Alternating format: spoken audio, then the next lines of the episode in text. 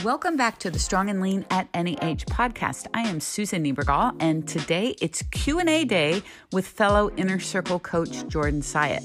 Jordan and I got a lot of great questions that we're going to hammer away at today. We're going to be talking about scale fluctuations, how to get rid of the all or nothing mentality. We're going to be talking about how to get a hold of stress eating. We're, and we're even going to talk about how we met and became co coaches in the inner circle. So go grab your coffee, put up your feet, take a listen, or go put on those AirPods, go for a walk, and take a listen. And if you're interested in joining us in the inner circle, you can go to www.sfinnercircle.com. Enjoy the episode.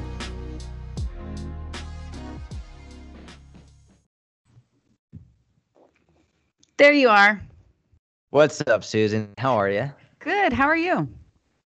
I'm good. You know, this is the part where we pretend like we didn't just We talk didn't before talk. the I know, recording. I know. We did But I will say the new area looks amazing.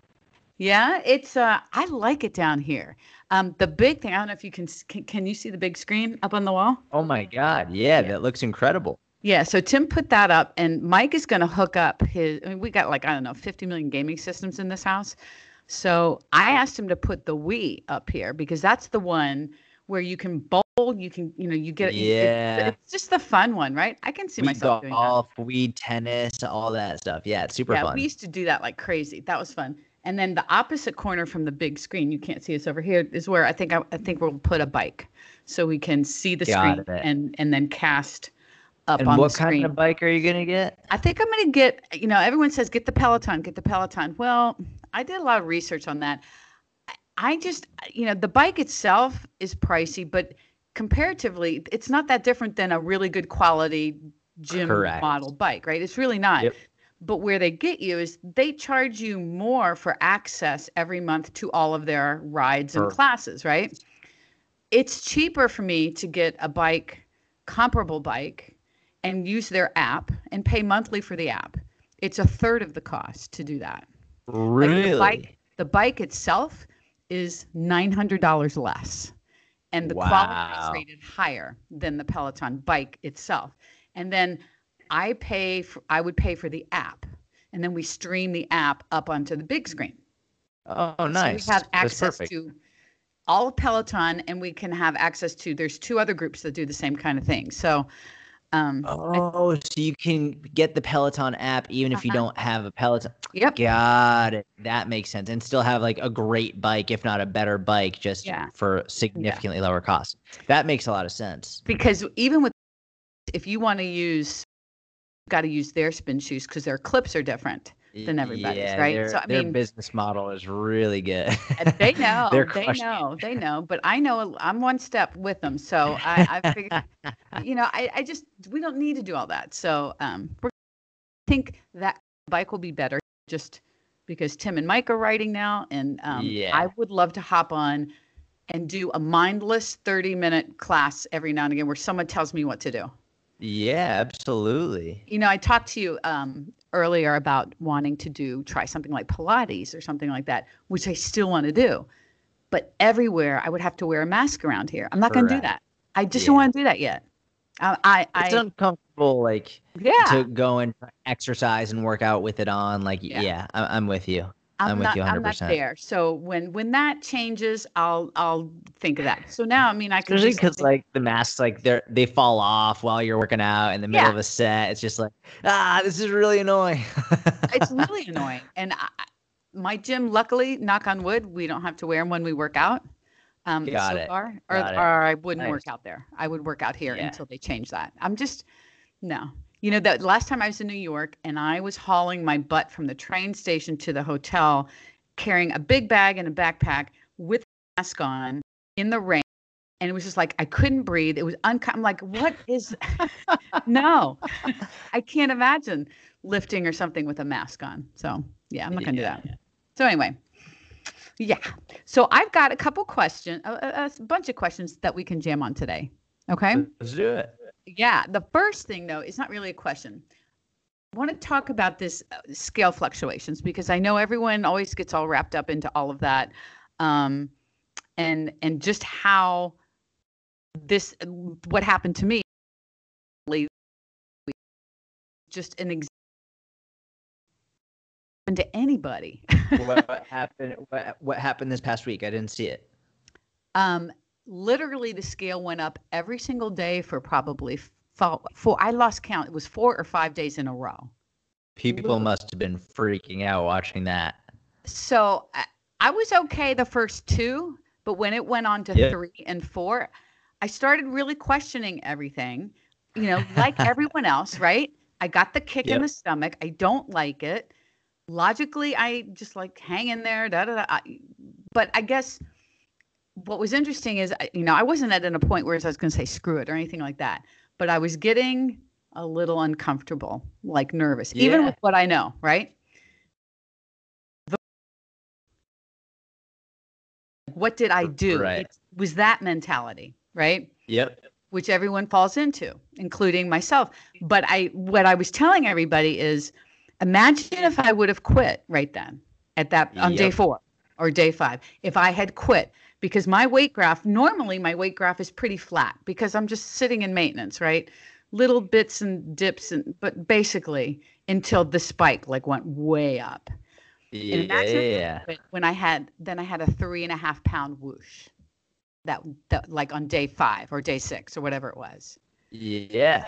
And it was um so I, I talked a lot about how that you the the emotion part, you know, I feel it too. You know, I think that's normal. And I think you and I talk about that. It's okay to feel that. you know, Correct. that's normal. But when it's not normal is when you take that a step further and let it determine, oh shit, I've got to do something about this. You know? Yeah, the the issue isn't isn't the emotion in and of itself, right? It's like no one can tell you how to feel. It's like the like there's nothing wrong with being angry or scared or jealous. These are all normal human emotions to have them. The issue is when you let those emotions dictate your actions. Yeah. Right? And so and you and I see this all the time where someone will maybe their weight goes up one day and then two days, and then three days, and then four days, and they freak out and they email or they leave a comment.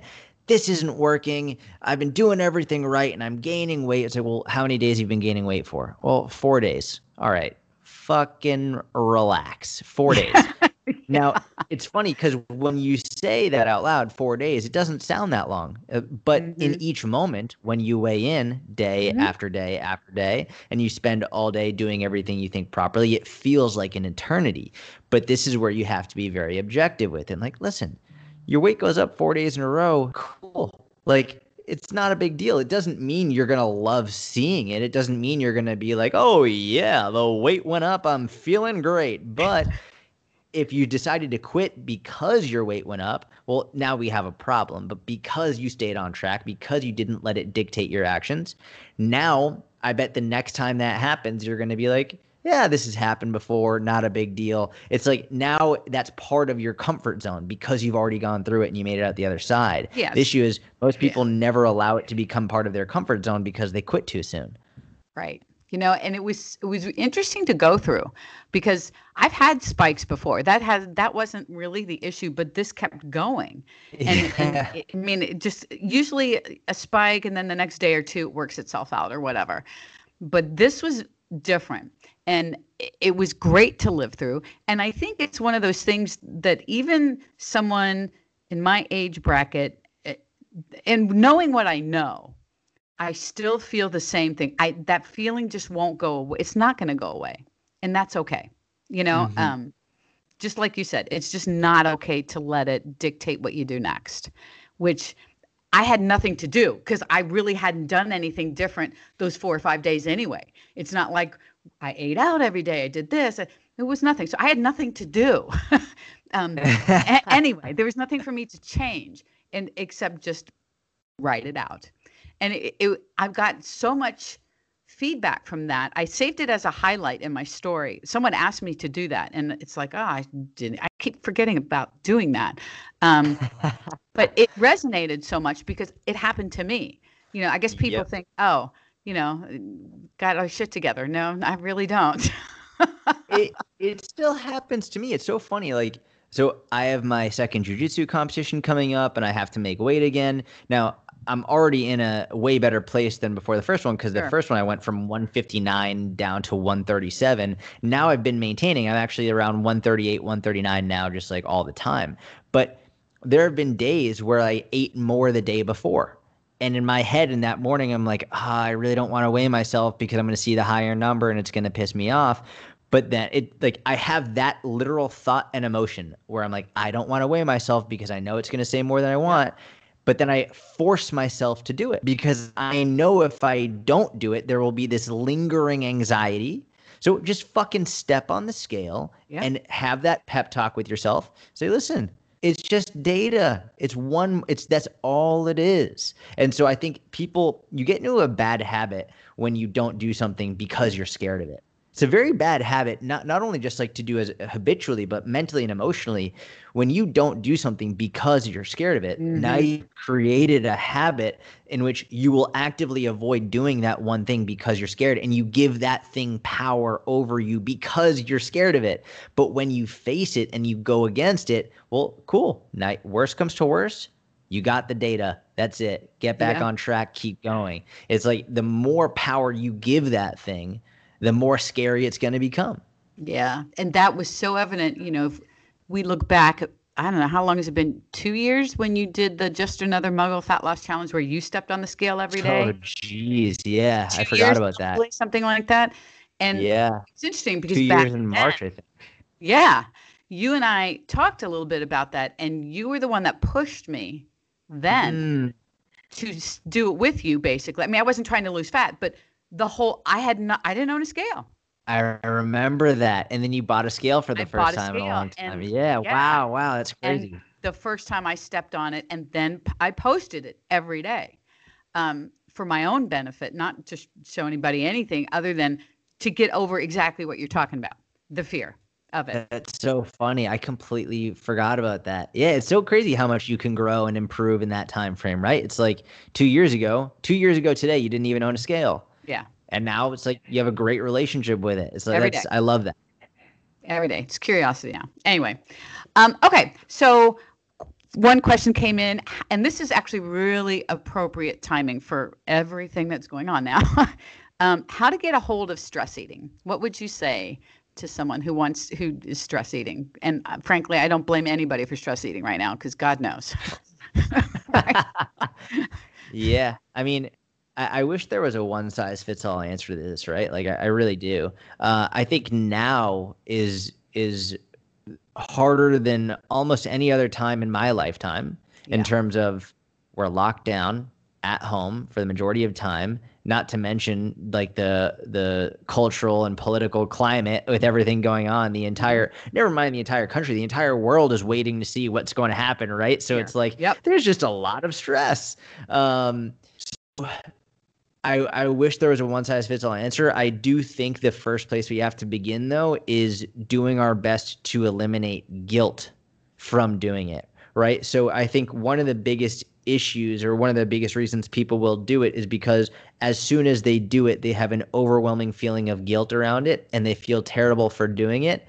And that, it, or more or less, equates to a, a feeling of I failed of mm-hmm. I, I ruined everything. And when you have this feeling of I I failed, I ruined everything, then your brain sort of clicks and says, "Well, might as well keep going because you already ruined it." And then you keep on doing it, keep on doing it, keep on doing it. I think and I understand it's easier said than done, but when you begin to understand and give yourself grace and know that you didn't do anything wrong, oftentimes stress eating doesn't mean you'll stop stop doing it 100%, but you might stop earlier than you would have before. You might instead of eating 7,000 calories, maybe you'll have an extra 700 calories, Right. which Yeah. on the scheme of things is way better and you you 100% you you you're going to feel better, you're going to look better, you're not going to feel as bad about it. So the more you can eliminate that guilt, the better you'll be at at minimizing how much you do actually stress eat, which I think is I, I think a lot of people are like, well, how do I stop? How do I stop? How do I stop? Well, I don't know if you're going to stop, right? It's like I don't know if you're going to like it's in the same way with the scale, right? You might know about how the scale works and scale fluctuations, but you'll still have these emotions. You just don't let those emotions dictate your actions. I think that, you know, stress eating when when you we are lucky and blessed enough to have food in our refrigerator and in our cupboard and all around us i don't think it's necessarily a realistic thing to always say well just don't stress eat never stress eat because i think it's probably going to happen a little bit. But it's up to you if you're going to allow a little bit of stress eating to lead into a full-blown binge or chronic stress eating. And i think the factor here is are you just guilting and shaming yourself and speaking to yourself like an mm. asshole or you being kind to yourself treating yourself like you would treat your best friend. And if you speak to yourself better and understand it, it's not the end of the world you'll probably do a better job of minimizing it. Oh absolutely. I, I think the whole mindset shift is the game changer you know? And and i know you and i have talked a lot to the inner circle about this and we talk publicly about it as well is that when you feel like you might you want to stress eat you know put a little bit of space in between that time.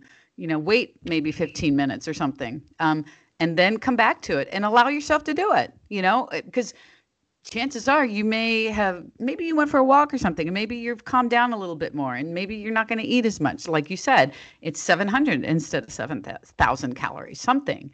Um, correct and then that way you're allowing yourself and so it takes on a whole different feeling yeah absolutely i think this is actually i've spoken to my therapist a fair amount about this and sort of the psychology behind this where as soon as something is off limits you, you, there's almost the feeling of like all right well i want to do it I want to do it, right? When you say you and can't you bring up this, that fire alarm thing all the time, and yeah. this is exactly what I think of.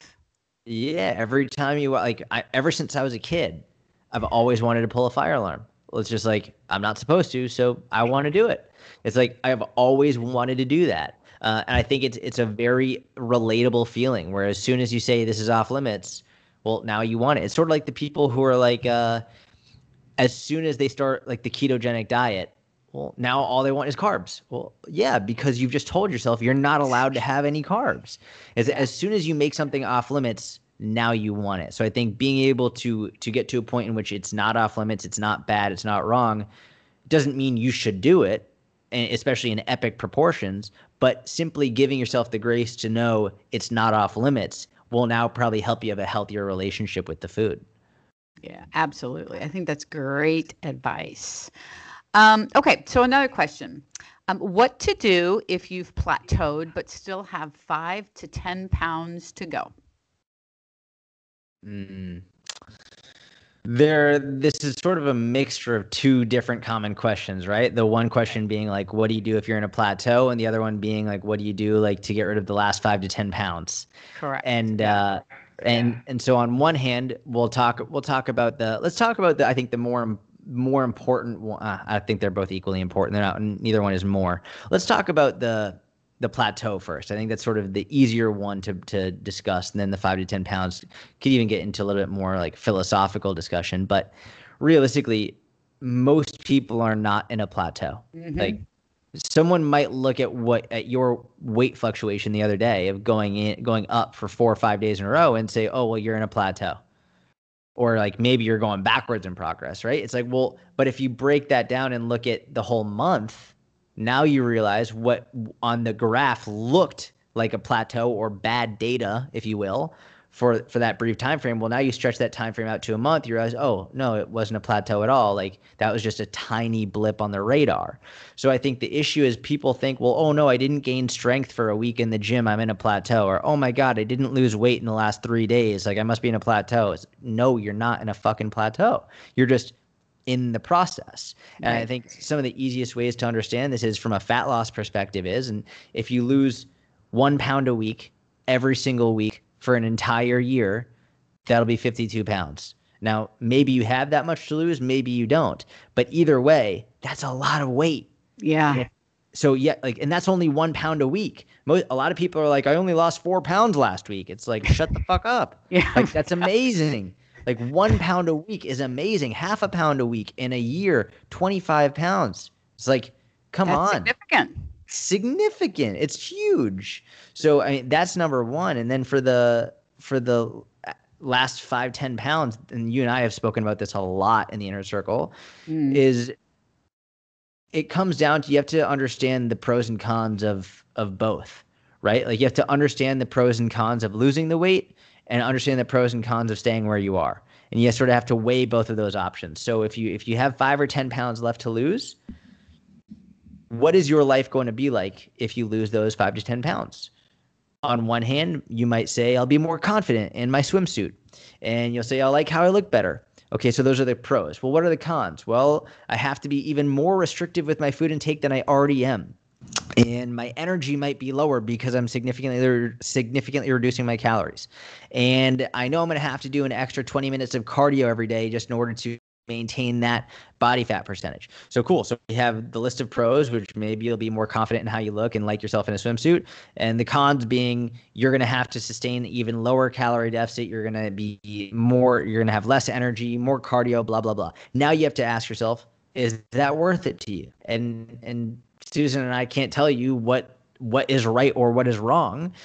And we're not going to tell you not to try something. If you want to give it a shot, go for it. But you have to ask yourself, like, is it worth it? And yeah. for some people, maybe it's worth it. It might be. For for me, it's not. I'd rather have a slightly higher body fat percentage and be slightly less uh, slightly less happy with posting a shirtless picture of myself on social media while being able to eat pizza on a regular basis and go out to eat with friends and family, right? It's like I would rather be at a point in my with my body composition where I'm not going to be the first guy to post a shirtless picture on Instagram because I know the pros of that will lead to an overall happier lifestyle. And that brings up the whole question of like, well, if you're living your whole life in order to feel good about yourself posting a picture on Instagram shirtless, maybe you're living the wrong type of life. That's a whole different yeah. You know, I, I right? all of this stems from people assuming that when I get down to that number, whatever it is, that I will miraculously feel different life. I mean, that's like there's going to be some big thing that happens positively that I've reached my number. Like it's the finish line. And we talk about this all the time how we think that's what it is, but it's never what it is, ever. Correct. And, yep. And then they get caught up in the, well, if I don't hit my number, then I haven't, you know, I'm I'm not going to be as happy or whatever. So those questions that you were talking about asking yourself, I think are so important because I think oftentimes people when they really have to think about that, they come to the decision, you know what? Maybe this isn't what I want to do. yep. That's exactly right. And there's no right or wrong answer, I don't think. I mean, it could be that is what somebody wants to do. And if that is, then be prepared for what you'll have to do. Buckle down, roll up your sleeves. You're going to have to be meticulous and ruthless and all the rest and and if if that's your game, great, then that works for you. But it may not be for everybody and they're just great questions to ask yourself. I love that. Yeah there there were times in my life when I wanted to get super low body fat percentage and and I'm glad that I did because I learned what it was like to have that low body fat percentage. I learned from a scientific perspective, from a personal perspective. Like I now know myself better because I did that. And now I know the cons and the pros of it even better because I actually went through the process. So maybe it's the right move to go through it and and see how see how you feel. Yeah. And once you do that, you might realize maybe it's not worth it. And the only person who can know that is really is you. 100%. You know, I, I think about this too when I when you helped me through that 6 months muscle building phase and you know, I put on 6 pounds um, I looked different. There was a period of time in the middle of that where I thought, oh my God, look at me. You know, I mean, I just felt like I had water everywhere. I was just, you know, and then I got to the end of it and I loved how it all turned out. And I I get asked still all the time, when are you going into a cut? And I'm like, I'm not going into a cut. why would I do that? yeah, why would I do that? I mean, I look at myself before and I thought I use the word skinny and thin. And I, you know, that's what I used to think I wanted to be until I got to here you know mm-hmm. and then i'm like mm-hmm. wow no no no no i like this better shorts may be a little tighter well i don't care you know that's all good it you it just it's better. a much more comfortable place plus we can have pizza in new york i can you know i mean i can do all these things like you were saying it's just um, correct um, it's it's just a better fit for me absolutely yeah i love that absolutely okay um the next one um so kind of on the muscle building thing. Someone was saying they they are struggling with knowing when to kind of leave a deficit and maybe head in the other direction into a specific muscle building phase. And is there a time and a place like do you know how do you know when to do that? How do you know when to go from a deficit to a muscle building phase? Yeah. Yeah uh, again this is a very individual and, and personal question. Um, and i say that because generally speaking, you don't want to build a go into a surplus when you have a lot of body fat to lose. Like when you have a significant amount of body fat that might be uh, uh become a health issue, or, uh, if it's if it's really really weighing you down, no pun intended, um, then you probably don't want to begin going to a surplus in that sense. Uh, however, some people say you should like men should be at like eight or ten percent body fat before they get into a get in go into a surplus. I mean, that's really low. That is very low body fat, right? So personally, I would have no problem with a guy going into a muscle building phase at 15% body fat, 16% body fat. That's significantly higher. Odds are you're not going to have any visible abs at that point, but you're you're athletic. You have a relatively low body fat percentage. So I, I I don't want to put a certain number on well, yeah. you must get this lean before you can go into a muscle building phase. That being said, I think there are some things to consider.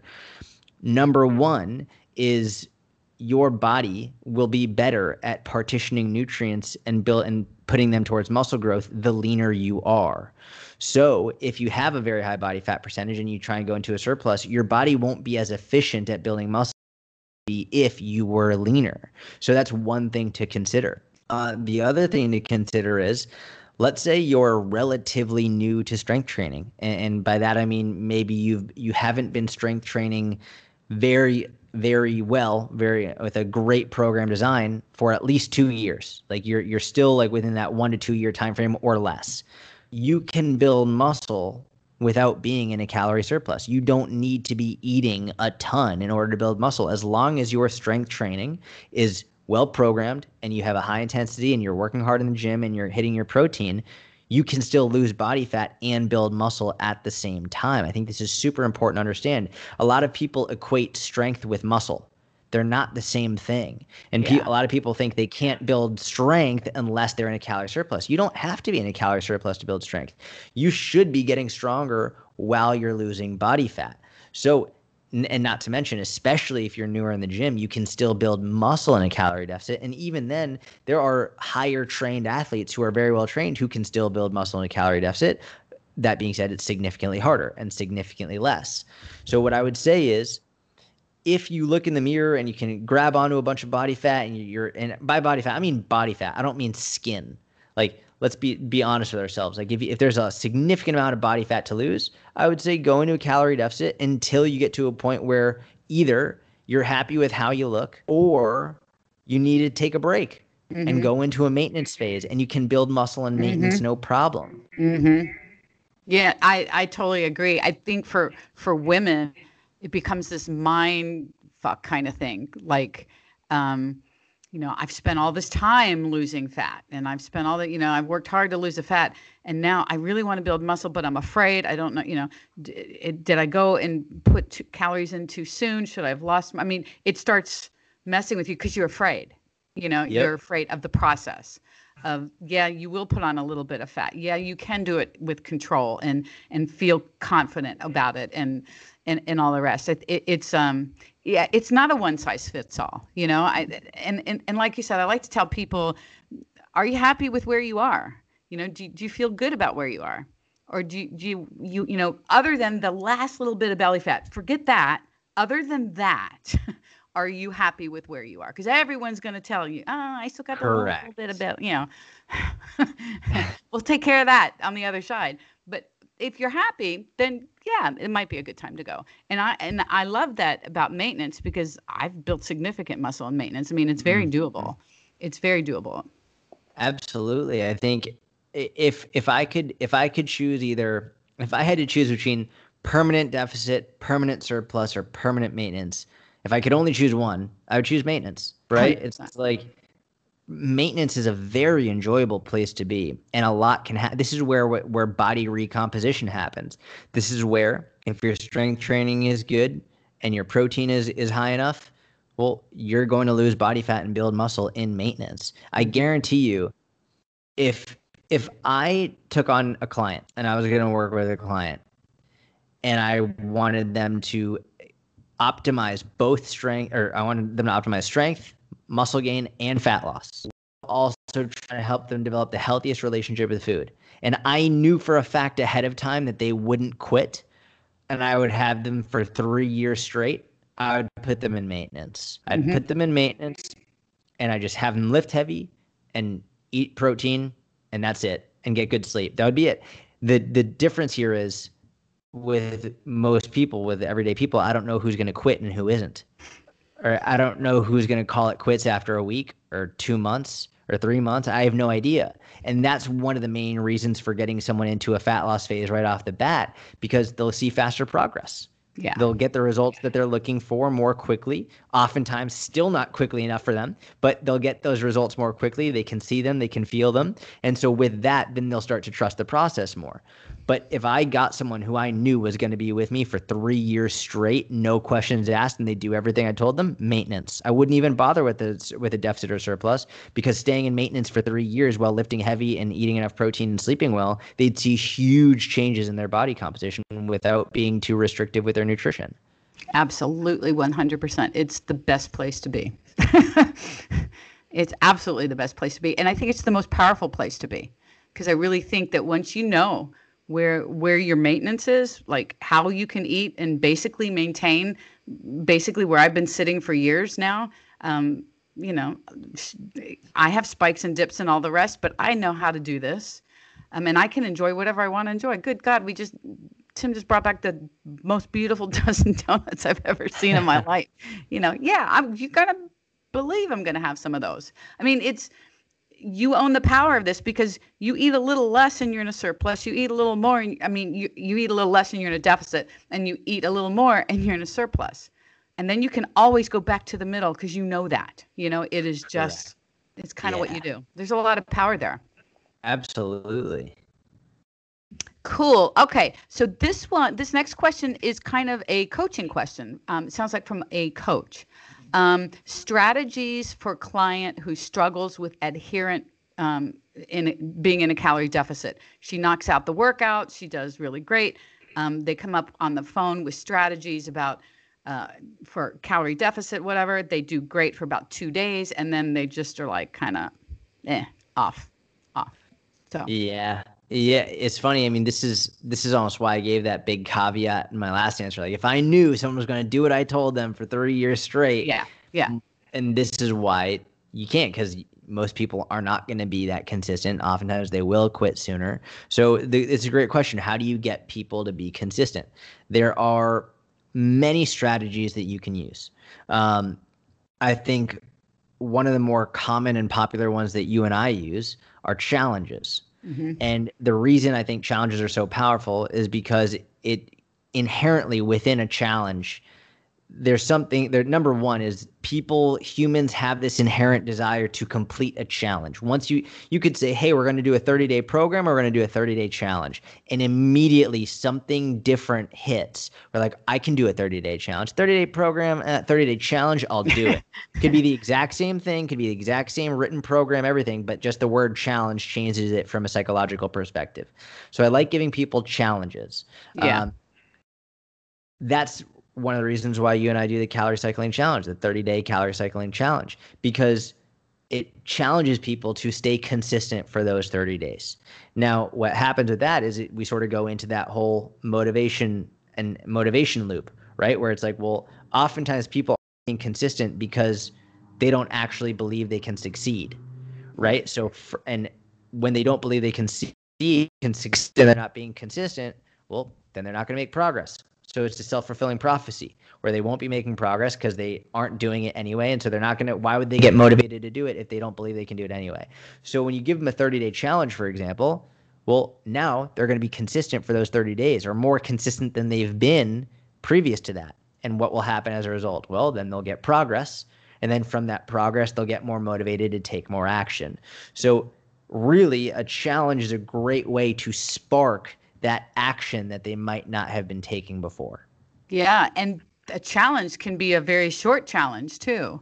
You know, yeah. um, I've done that many times. I'm doing that with somebody right now where we're in three day clumps.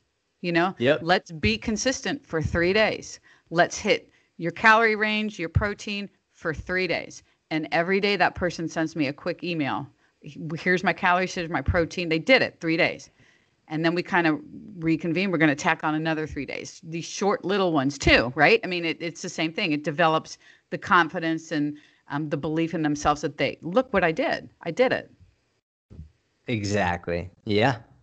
Yeah, I think I think challenges are great, and it's so funny when you were talking about how we react differently to hearing 30 day challenge versus 30 day program.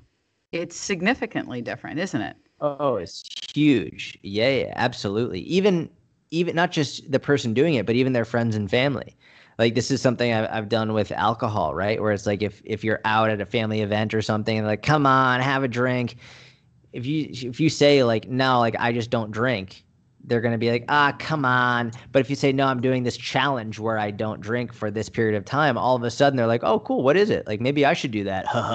right? It's like, yeah. there's something about a challenge that clicks with people, both the person doing it and oftentimes onlookers who it makes them interested in it and wants to see if they can accomplish it. Absolutely. I love that example too. I think that happens a lot, right? Yeah. No, oh, so, people oh, don't. No. Yeah. Yeah. Yeah live a little, Which right?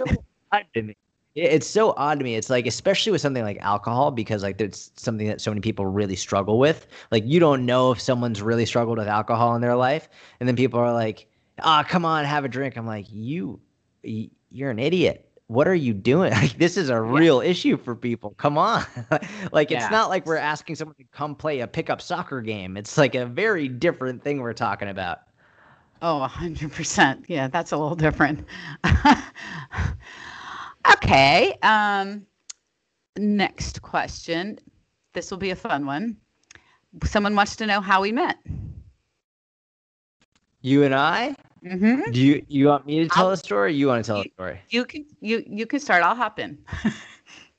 okay. Well, I'll tell you the the first interaction that I vividly remember which it was not via email. I know we started talking via email, but the first interaction I vividly remember was the first time you and I ever got on the phone, uh, because you had reached out. We want you wanted to work together for powerlifting, mm-hmm. I believe, and um, yep. and I was living in Israel, and so I we I did all I did phone consults with everyone who wanted to work with me, and so we got on the phone and I was in a coffee shop in Israel, and I just remember the Wi-Fi at the place that I was at was terrible, and I was really struggling to hear you for a little bit, and I think I was breaking up, and I remember finally finding this like little nook in the coffee shop where I was able to like finally get everything together. I had enough Wi-Fi and I could make it work, but that was the first that was the first time we ever spoke on the phone that I that I remember. Yeah, I, I I remember that too, and I remember I screwed up the time the first time too. I don't know if you remember that. I don't it's, remember I, that. No, did you really? The, the oh, time oh, difference. It was, it was, a seven-hour time difference. Got it. Yeah. Yeah, and so and and so I I realized that, and I I remember emailing you, and you said, "Oh, let's just hop on the phone right now." I mean, you just happened. yeah, I, I I tell people about that. Um, and and this person was also asking kind of how the inner circle thing ev- with you and I evolved as well. But um, yeah, I went to you for powerlifting. You correct.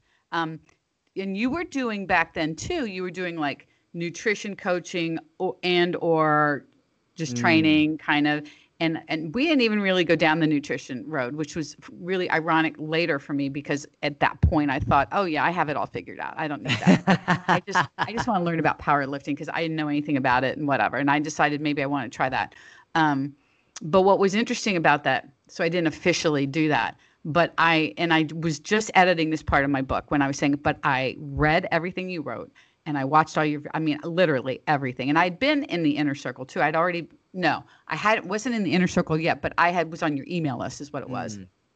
So I got all this stuff and I kept reading everything and then I joined the inner circle soon thereafter, right? Because yep. I wanted to have access to everything. And you know, you just start implementing stuff on your own. Yep. So it, it was funny how that all kind of that one challenge you had in the inner circle that one time this alternating rapid fat loss intermittent fasting month yeah. thing I remember Yeah. that. Yep. Yeah that kind of brought it all together for me that was that was definitely a life-changing month that month for sure That's awesome. I love that. I forgot about that challenge. Maybe we should bring that back. yeah yeah yeah that was that was an interesting challenge to go through it was it, it the best part about it for me and i think for most people would probably be that um those rapid fat loss weeks man you've got a plan i Oh, mean if you don't if you don't lay out every day what you're going to do for the day you're screwed you know you Yep. are absolutely screwed and what you learn from doing that well that's that's the bigger picture thing That's one of the reasons I really like I really like rapid fat loss in some instances. Not for everyone because it teaches you how to plan. Right? It's like Yeah. and, and when you and I do rapid fat loss, we don't care about how much weight you lose. It's not about seeing how much weight you lose. What it's really about, if you really break it down, is to seeing how much better you can get at planning your nutrition and and being one step ahead. That's really it because most people they don't take the time to plan their nutrition. They don't take the time to learn or study or, or like for example, uh, someone asked me today, do I eat egg whites? And I opened the fridge and I've got a whole bunch of egg whites. And someone was like, "Oh my god, I didn't even know those existed." Like Yeah. in a carton. And it's like one thing that'll happen from you doing something like a rapid fat loss protocol is you're going to go to the grocery store and you're going to walk down every single aisle and you're going to look at the nutrition on the back of everything and you're going to and you're go, going to google search foods that fill you up for fewer calories and your foods foods high in protein for low calories. You're going to google search like uh, vegetables that keep you full fruits that keep you full. You're going to find all these foods and all these hacks online because everything is available to us now. And you're going to be so prepared that when you eventually go back to eating regular because no one should do rapid fat loss for very long like it's not a very long period of time. But when you go back to eating more calories you're not going to really deal with hunger anymore. You're not mm-hmm. going to it's not going to be the reason why you can't succeed because now you've prepared yourself in order to learn well what foods fill you up what foods make you feel good. You have them all ready and stocked up. It's like i think that preparation is the the major benefit of doing something like that not focusing on how much weight you lose You know, it's so funny. I often say that planning is probably the most underrated fat loss hack there is. You know, and it, absolutely it's probably the one thing that most people don't do. I a hundred percent agree. Absolutely. The issue is that's just not a sexy thing to say. Like, Right. It's not gonna. You're not gonna make a YouTube video on planning for fat loss, and like, it's not gonna. People aren't gonna be like, yeah, like I want to watch that, or like you're not gonna make like a planning for fat loss program. It's like, no, people want to know like how much can they lose as quickly as possible with the latest juice cleanse or detox or tummy wrap. Or I saw these fucking things today that or yesterday where like it's muscle stimulators. It's literally all it is. Where you you like glue them onto your stomach and they like they just jolt. And part of their advertising campaign is saying like hundreds of contractions per minute, and it's just this woman sitting down on the couch reading a book while her stomach is going back and forth like this, and she's super fit and lean, and it's like. Get the fuck out of here. Like, that's what you're doing for your abs. Get out of here with this Yeah. nonsense. That's absolute nonsense. Well, the, the the kind of second part of that was um, how did we come together for the inner circle? Mm. So, do you want to? How about you explain that one? Or are you, want me to explain it? You, you go ahead. Go ahead. All right, I'll, I'll ex- you you give your thoughts first, Okay. and then I'll talk after. Okay. Because I joined the inner circle shortly after we started working together um, and became one of the, I mean, I became a regular in there. I was always in the group, um, Oh yeah, commenting or whatever. I was very active. And, it, you know, it was much smaller then too. So th- th- there was, and there's a bunch, well, just almost all those people are still kind of hanging around in there, which is cool. Um, but yeah, I became, I guess, a regular. Some, I, I was trying to help people. I'm answer helping answer questions because that's what we do in in that group, right? Everyone posts a question, everyone pops in for support. It, that was kind of what I decided to take on. Like just I like to support people. I like to help people. So that's kind of what I started doing. Um, that that's kind of where I feel like I got my my I, I started sticking out maybe because Yeah. I was doing that. That was my goal. Not to stick out, but my goal to help the other people. So that's exactly right. I'll give you my perspective on it. So when I started the inner circle, and we had first the inner circle didn't have a Facebook group when I first started it. It was just I would email out like the password that month because it, was- it was a whole separate system. But we, we didn't have a Facebook group. Finally, I got enough people saying, "Hey, can we have a, a support group?" I was like, "Yeah, you know what? Let's do it." So I made a support group, and immediately it was amazing because of a, of a few people. I would say the two major ones at that time were you, Susan, and then Tony. The Mm. two major Tony Dolezal uh, were like the two major people. There were a lot. There were actually there's and there's always been a, a tremendous number of people who are offering support and guidance and answering questions. But the two like that have always stuck out, especially at the beginning, were you and Tony. And I vividly remember where I, I was trying to get on the Facebook group several times a day, multiple times a day, trying to answer questions. And every time I got on to answer a question, you would beat me to it. Like every every time I get on to like to go and answer questions, it's like, well, Susan's already answered it, and you've answered it better than I could have answered it. So then I would be like, what Susan said, right? It's like literally you you answered the questions perfectly, and you answered them before I could get there which was crazy because I thought that I was getting there early, but you were always in there before I was, and you were always answering the questions, and it happened. It kept going for a long time, and I vividly remember getting to a point where I was like, number one, the inner circle wouldn't be the same if it wasn't if Susan wasn't in it, As- and the inner circle is infinitely more valuable with Susan in it than not. So it became a no brainer for me to be like, well, she's literally like already part of the team. So why don't we just make her part of the team? And it was it was a no brainer. It was like it's better with you in it than with you not in it. And it would be significantly worse if you were to not be there. So it was it was a no brainer to me to be like, hey, like let's do this together, right? Because together we can accomplish so much more than either one of us alone. And that's what's happened. I mean, the inner circle has grown tremendously and the community's gotten so much stronger and more supportive as a result of it. You and I have traveled the world together, meeting inner circle members, going to the United Kingdom and then having the inner circle retreat. And like we've met thousands of people as a result of it. And I if if someone had to pinpoint, if someone was like, Jordan, what is the the single best thing you've ever done for the inner circle? I would say taking Susan on as my co-coach because immediately from that moment and then exponentially over the years having you on it with me has made it significantly exponentially better than it ever would be with me by myself. And i would never eh, like it would it's a nightmare to think about not having you in it. It's like it was like literally nightmare to think about that. And i, I enjoy it so much more and i'm incredibly lucky and blessed to have you be my partner with it. So i mean it, it was Well- the best thing i've ever done. Feeling is more than mutual. And I, I i will say i think we have discovered along the way that uh, our goals align our ethics align um, lord knows we laugh a lot. Um, we just we, we we we tease each other about how we're always on the same literally always on the same page with- yeah. like like everything. So it's it's been uh, i'm more than blessed to be a part of this. So yeah. And Yeah. you know how much i love you because of that. All the Um, feels. yeah, all the feels. One more question, um, um, and this this is something that I think you and I get a lot too: is how to get rid of all or nothing kind of mentality. Like I'm either all in or I or I'm not. I can't find a middle ground with that. It's a tough one. It's a tough one because I struggle with it too, right? Like, Yeah, yeah, I mean, I think we all struggle with it in our own ways, right? So at this point, with nutrition, I don't struggle with it, right? It's like it's nutrition's just part of what I do, and I have a very good relationship with it, and it's not all in or all out. Like I'm very moderate and flexible with it.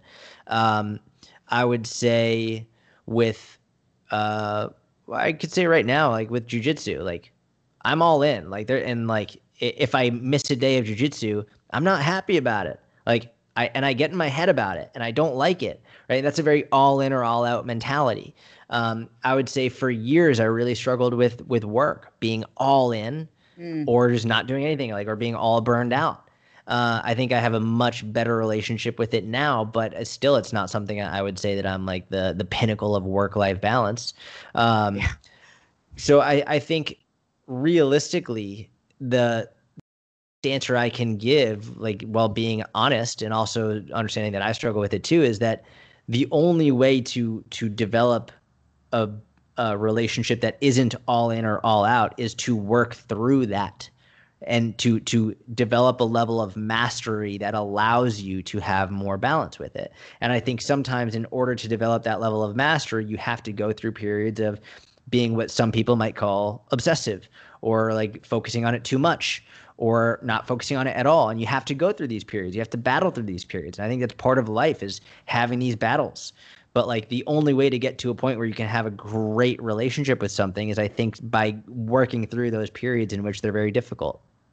Yeah i totally agree. I i, I think sometimes and I, I, think you say this all the time about going through those periods of imbalance um, mm-hmm. and then coming out the other side of those to give you perspective yeah. on balance um, I think we've all been there. Uh, you know, it's so interesting. I was thinking about this the other day. How I used to, I could work from the second I got up in the morning until eleven o'clock at night.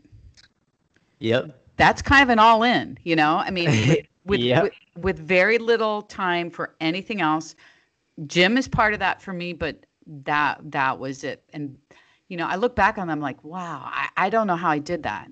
And um, I mean, there were benefits that came out of that, you know, building a business and all that kind of stuff, right? But yeah, it's put perspective on things greatly right now. So it makes what I'm doing now, and I'm still a work in progress as far as balance. I think we all are. Yes. Um, but it, it's it's made it easy easier to do maybe um, to a degree because I've already been over there, and I'm like, you know what? I don't want to be over there anymore. Correct. Um, it's kind of just put it in perspective. But I guess the, the big thing, the takeaway from that is just it's a work in progress for all of us. It's yeah, it's a, it's a constant and perpetual work in progress, and I think the the major the major factor to consider is that you just can't quit, right? Yeah. Like once you quit, you've ceased to make progress. It won't happen. I think a lot of times it's it's the idea of quitting is like, well, in, in your mind, you can't see the finish line, you can't see where it's going to change, so you think it's just never going to change. But what you don't realize is maybe if you kept going six months, a year, a year and a half, like mm-hmm. you would have had these battles, you would have come out on the other side and really had a wonderful relationship that was healthy and balanced, but you didn't give it enough time. Yeah. So I, I think the really the the thing to consider here is just don't quit, and eventually it, it will happen. And I think that's the perfect way to tie this up, right? I love I mean, it. I love it. Don't. I mean, it's pretty much it. Um, so before before we go, I know just tell everyone where they can find you because I, I know everyone can find you. I'm sure. yeah, I just, just in case. go go to Google and and type in Jordan Syatt S Y A T T and you'll find everything you want, whether it's Instagram or my podcast or YouTube. Type in my name, you'll find it all.